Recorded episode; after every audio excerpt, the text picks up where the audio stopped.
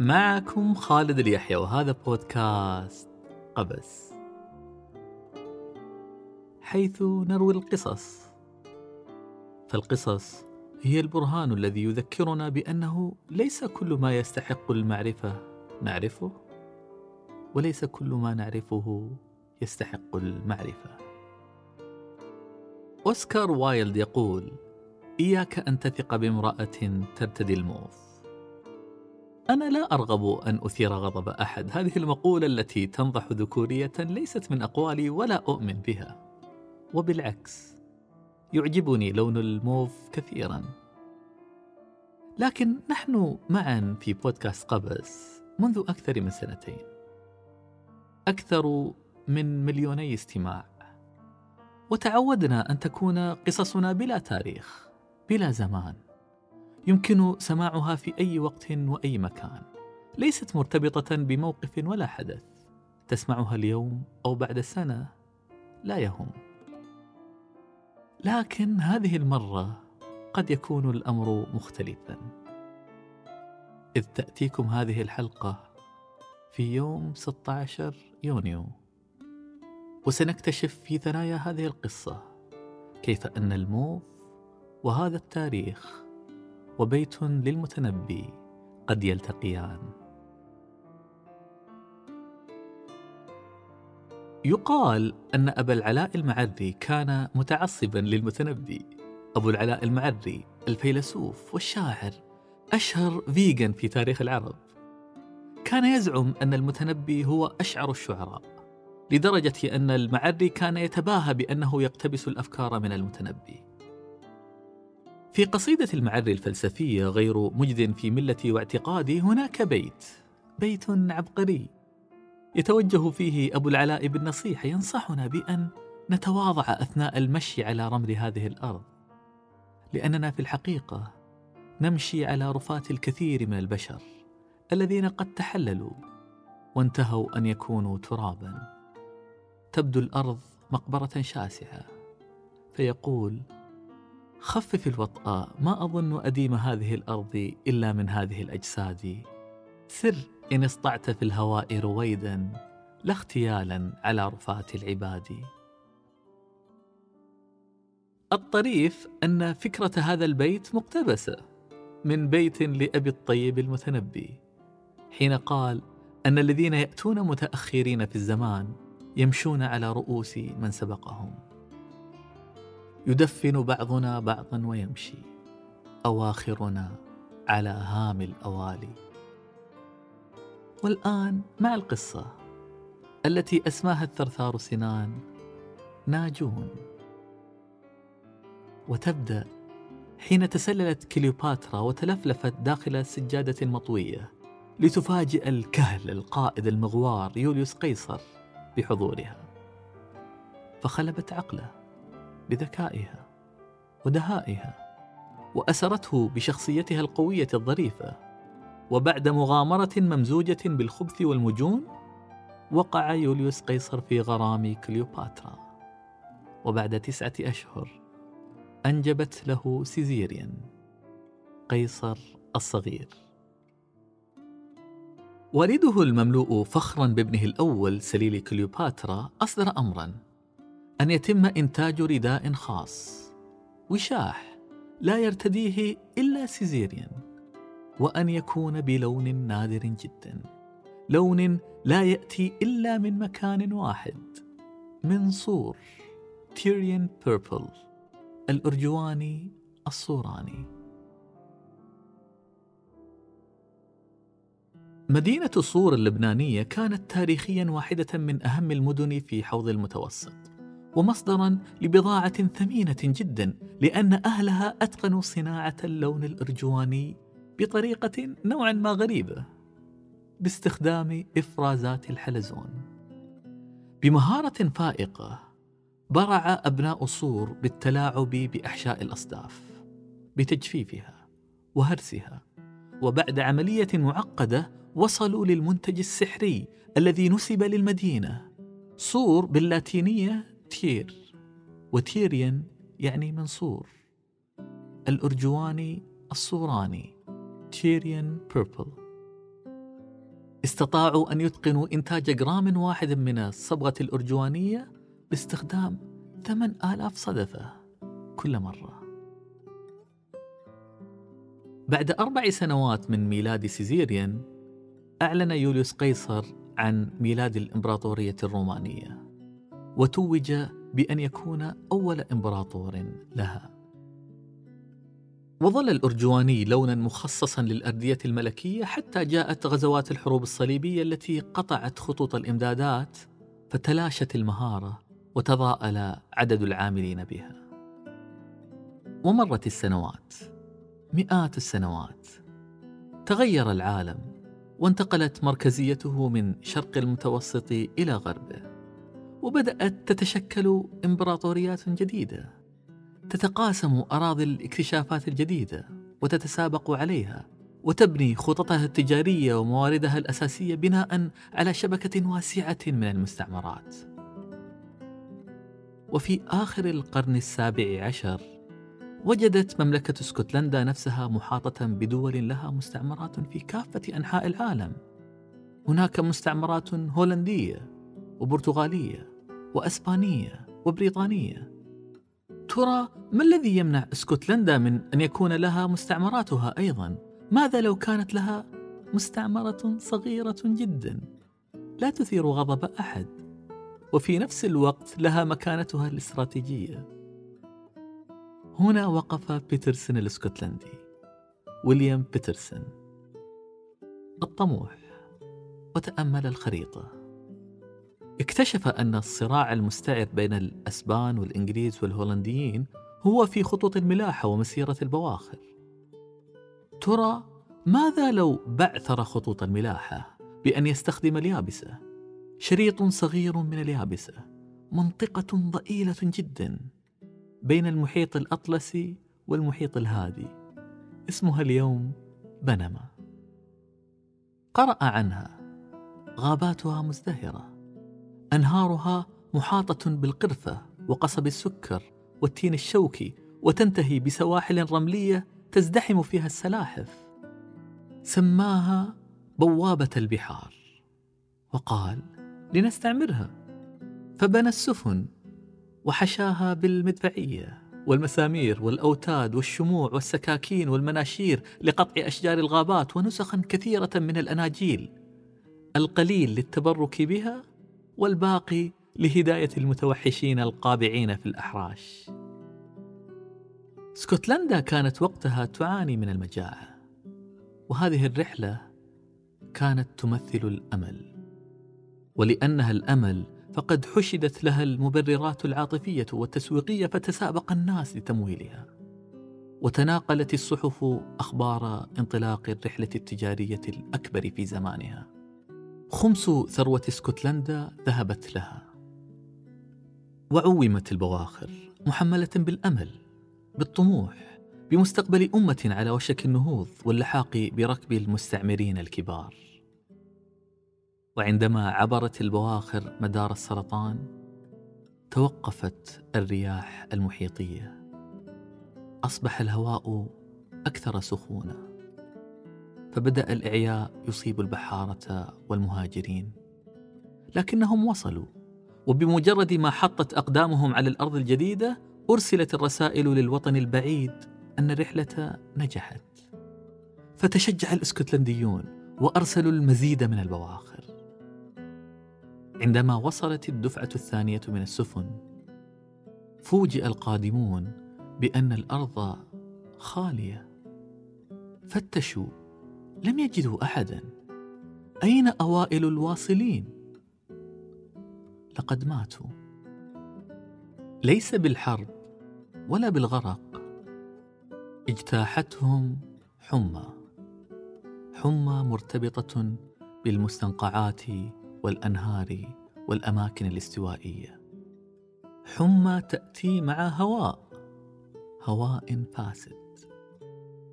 رغم كل الأسلحة التي كانت بجعبة النازحين إلا أنهم واجهوا موتا لم يكونوا مهيئين له. نهشتهم الحمى. ومات أيضا المهاجرون في الدفعة الثانية والدفعه التي تلتها.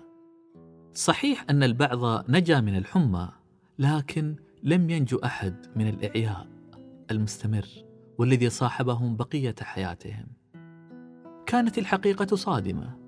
بسيطة لكنها صادمة جدا. لن تكون لاسكتلندا مستعمرة هنا لأن المنطقة غير قابلة للعيش بسبب هوائها الفاسد. ماذا عن آلاف المستثمرين الإسكتلنديين؟ فقدوا استثماراتهم. أفلسوا. البنك الممول. أفلس. الديون تراكمت. أفلست اسكتلندا تماما. فتطوعت إنجلترا لسداد الديون لكن في مقابل الإذعان. ففقدت اسكتلندا استقلالها واستسلمت لتضم ضمن الإمبراطورية البريطانية. بدأت بطموح التوسع وفقدت استقلالها في النهاية. وبسبب حمى الهواء الفاسد ما زالت اسكتلندا حتى يومنا هذا جزءا من بريطانيا. بسبب تلك المغامرة. مرت السنوات وبدأت الأخبار تتواتر عن حمى الهواء الفاسد الذي يقطن المناطق الاستوائية. بعد المغامرة الإسكتلندية بأكثر من مئة سنة لمعت فكرة إنشاء قناة في نفس الشريط. ذلك الشريط وأعلم أعلم ستقولون من هذا الأخرق الذي سيقوم بهذه المجازفة؟ لحظة. لم يكن أي شخص. إنه مهندس وليس أي مهندس. إنه السيد الدبلوماسي العريق ديلوسيب. وستقولون من يكون ديلوسيب هذا؟ إنه الشخص الذي طور قناة السويس وهندسها ومولها واستلم أرباحها. ومفتونا بنجاحه الكبير تأمل ديلوسيب الخريطة وكانت الفكرة بديهيه جدا. لما لا نقوم بحفر قناة أخرى؟ مربحة. في نفس تلك المنطقة خصوصا أن طولها أقل من نصف طول قناة السويس. فتحالف معه مهندس آخر غوستاف غوستاف آيفل الذي أتم للتو بناء برج آيفل في باريس. وحشدت الأموال لهذا المشروع العملاق. وبمجرد ما بدأ الفرنسيون بالتوافد حتى فوجئوا بأمر لم يكن في حسبانهم الهواء. إنه فاسد. فتفشت الحمى ومات أكثر من ربع العاملين وتبخرت كل الأموال المرصودة. فتدهورت سمعة المشروع ونشرت الجريدة سؤالا هل يحفر ديلوسيب قناة؟ أم إنه يحفر قبورا؟ وتسببت تلك المجازفة بواحدة من أكبر قضايا الإفلاس في تاريخ فرنسا. وتهاوى نجم الدبلوماسي العريق ديلوسيب الذي قضى بقية عمره تلاحقه المحاكمات فأفلس بسببها كما أفلس غوستاف آيفل نفسه والذي لم يشفع له برجه الذي أصبح واجهة لفرنسا فحكم عليهما بالسجن سنتين أما القناة فتوقف العمل بها وهجرت مرة أخرى بسبب هوائها الفاسد. الأمر لم يعد سرا. رواية جزيرة الكنز شهدت تساقط أعوان القبطان سيلفر بسبب حمى الهواء الفاسد. الجيش البريطاني لم يستطع التوغل في إفريقيا بسبب ذلك الهواء أيضا. شكل هذا الهواء سياجا منيعا ضد توسع الإمبراطوريات في المناطق الاستوائية. وأنهكها. وبدأت التجارب لمحاولة كشف سر هذه الحمى. أحد التجارب كانت باستخدام مادة الكينين التي يتم استخلاصها من لحاء شجرة الكينة. بدأ أن هذه المادة فعالة نوعا ما. وفي نفس الفترة في القرن التاسع عشر كانت المدن قد بدأت تضيء طرقاتها بالمصابيح. فانتشر نوع جديد من النفايات نشأت بسبب استخدام الفحم مع زيت المصابيح. قمامة لزجة. منتنة. بغيضة. القار. طبعا في ذلك الوقت لم يكن القار مستخدما في رصف الطرقات فظل بلا قيمة. إلى أن جاء رئيس الجمعية العلمية الملكية في لندن وسأل سؤالا لم يسبقه إليه أحد. لاحظ أن تكوين جزيئات القار مقارب لتكوين جزيئات بعض الأدوية. فخطر في باله سؤال إذا تلاعبنا بالكيمياء هل سيمكننا استخراج عقارات وأدوية من القار؟ فكلف أحد الطلاب المبتدئين بمحاولة استخلاص الكينين من القار. تلميذه ويليام لم يتجاوز الثامنة عشرة بعد. فبحماس الشاب الناشئ الذي يرغب في إنقاذ العالم فشل فشل ويليام. فشل فشلا ذريعا. كل تجاربه أخفقت. كل تجاربه كانت تنتهي ببودرة عديمة القيمة. وبعد أحد التجارب الفاشلة قام بإضافة بعض المحاليل فتغير لون البودرة ولطخته بلونها. عندما حاول غسلها لم تتلاشى. هنا صبغة لا تزول بالماء هنا لون. تم تصنيعه. ولم يكن أي لون. كان الأرجواني الصوراني. نجح ويليام بتصميم أول لون من نوعه صناعيا. الألوان تاريخيا كانت تأتي من الأعشاب والديدان وطحن الكائنات الغريبة والآن بسبب ويليام ويليام بيركن اللون يصنع كيميائيا. فأراد تسمية منتجه الجديد لم يرغب أن يسميه أرجوان النفايات اختار أن يكون أكثر رومانسية. فاستعار اسما من زهرة فرنسية. موف. وسمى هذا اللون موف. وراج اللون الأرجواني بعد أن كان حكرا على النافذين. حتى قال أوسكار وايلد كلمته الشهيرة إياك أن تثق بامرأة ترتدي الموف. ويليام بيركن لم يؤسس فقط للون مبتكر وإنما دشن تخصصا جديدا. تلفت حولك كل لون تراه اليوم في ملابسك على أغلفة كتبك على الجدران. كان بسببه. حين كانت الألوان تشتق من النباتات وأحشاء الكائنات الحية كان عدد الألوان لا يتجاوز 600 لون. اليوم هناك 16 مليون. تنتجها شركة باسف التي أسست في نفس سنة اكتشاف ويليام بيركن. ويليام بيركن كان من مؤسسي تخصص الهندسة الكيميائية والتي بدأت لأنه أراد ابتكار دواء لحمى الهواء الفاسد.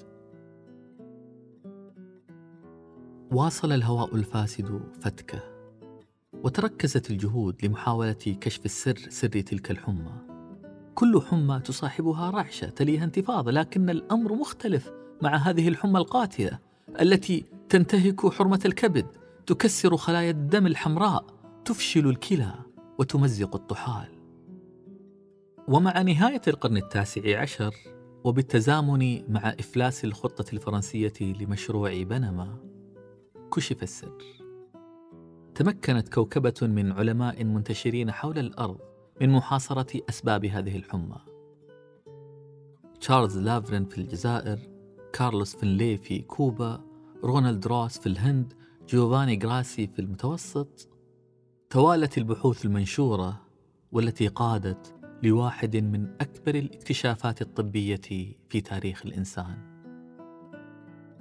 الحمى التي تأتي من كل مكان كما الهواء حمى الهواء الفاسد. سببها كائن منحرف ماكر. واحد من أكثر المخلوقات نرجسية على وجه هذه الأرض. حشرة. لكنها ليست كالحشرات الأخرى. لا تسهم في تلقيح الأزهار والثمار. بقاياها لا تزيد من خصوبة التربة. هي لا تفرز فضلات يمكن للطبيعة أن تستوعبها. هي ليست مصدر غذاء رئيسي لأي من الزواحف أو الحيوانات. ليس لها هدف ولا دور في الحياة سوى أن تزيد من نسلها وتتكاثر دون أن تكون ضمن المنظومة الحياتية لبقية الكائنات. العدو اللزج الدبق حشرة. نكسو أنفسنا بالأردية وتقتحمها. نغرق أنفسنا بروائح طاردة نشعل البخور والشموع نتحلق حول شعلة النيران نلجأ للاحتماء بشباك ننام تحتها ومع ذلك بالرغم من كل المحاولات إلا أنها حتما ستجد طريقها من بين الشقوق لتخترق بشرة الإنسان فتثقبها وتغرس خرطومها لتعب من دمائنا. البعوضة. سبب تلك الحمى. حمى المستنقعات. حمى مال اير مال فاسد اير هواء هواء فاسد ملاريا. في بداية القرن العشرين لم يكن أحد يعلم عن هذه الداهية الصغيرة سبب الملاريا وتوأمها الحمى الصفراء وكلاء الموت الذي خيم على البشرية. لكن بعد سنة واحدة من هذا الاكتشاف أدركت الولايات المتحدة الأمريكية أنها أمام فرصة ذهبية لاقتناص امتياز حفر قناة بنما بعد أن اتضح أن كل أصحاب المحاولات الفاشلة السابقة خاضوا المعركة الخطأ. التحدي لم يكن يوما هندسيا العدو ليس جغرافيا كان بيولوجيا. فتمت إبادة أسراب البعوض وحفرت قناة بنما. والتي أعطت الولايات المتحدة نفوذا غير مسبوق على اقتصاد الأمريكتين وأحكمت قبضتها على مفاتيح بوابة البحار.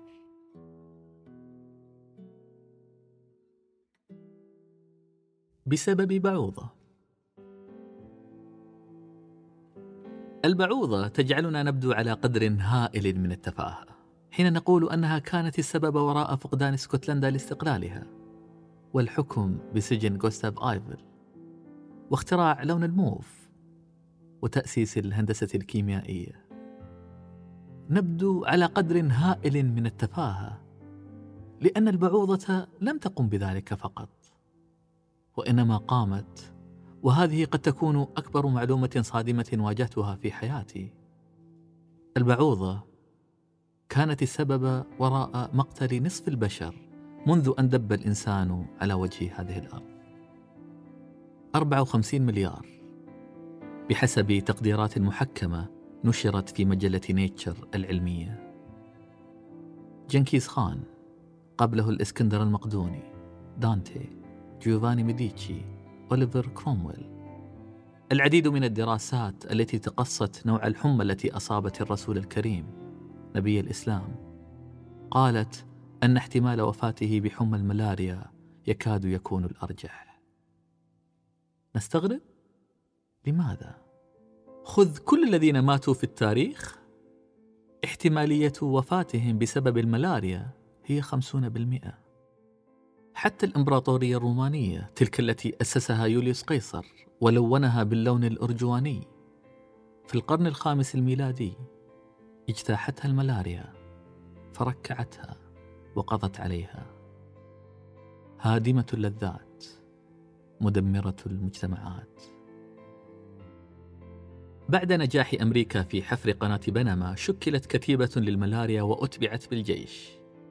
وبينما كان الجيش الأمريكي يخوض معاركه في أحراش الحرب العالمية الثانية كانت قوات إبادة البعوض متواجدة في أكثر من ألفي موقع حربي في أنحاء الأرض.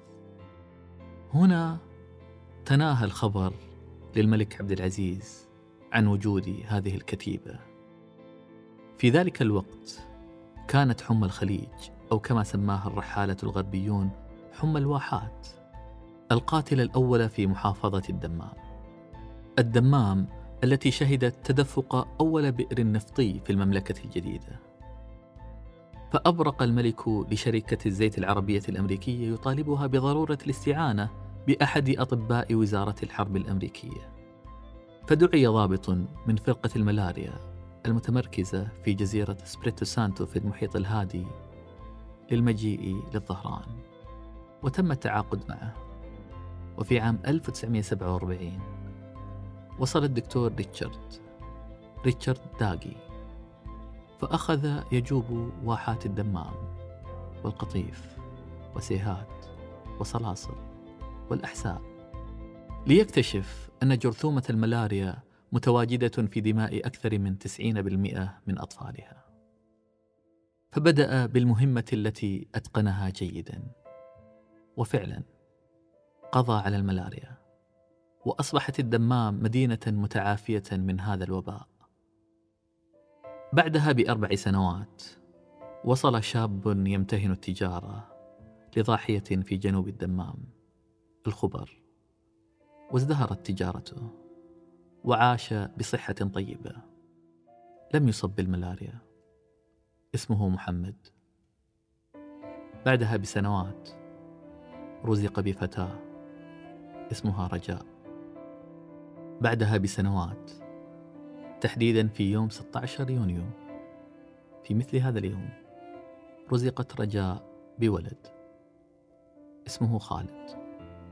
محدثكم.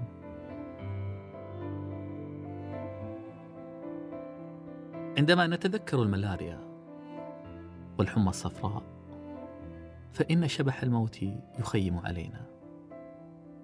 كلنا سنموت. لكن هذا الأمر ليس مدعاة للجزع. بالعكس هذا ما يجعلنا محظوظين. أننا حصلنا على فرصة الحياة. كل واحد من أسلافك منذ أن خطت أقدام أول إنسان على هذه الأرض. كل واحد قرر أن ينجذب لقرينة ارتبط بها وكان سويا بصحة جيدة. تؤهلهما للإنجاب وباركهما القدر والظروف ليرزقا بابن يعيش بصحة لا بأس بها. كل أجدادك بلا استثناء نجوا. لم يتعرض أي منهم للافتراس أو الغرق أو الجوع. قبل أن يودع جيناته في رحم مستودع. أمين. واستمرت هذه السلسلة جيلا بعد جيل حتى جئت أنت إلى هنا. كل شيء جرى في هذا الكون قادك لهذه اللحظة التي تستمع فيها لهذه الكلمات. ينتابنا التواضع حين نعلم أن نصف البشر قد قضت عليهم بعوضة. وأن فرصتنا للحياة نبعت من أننا ناجون من وخزة لبعوضة لم تصب أحدا من أجدادنا. اليوم هو السادس عشر من يونيو. قررت أن أفرح بفرصة الحياة. سأرتدي قميصا أرجوانيا وسأخلع حذائي لأمشي حافيا على الرمل. سأحاول هذه المرة أن أخفف الوطء سأمشي رويدا لا اختيالا على رفاه العباد.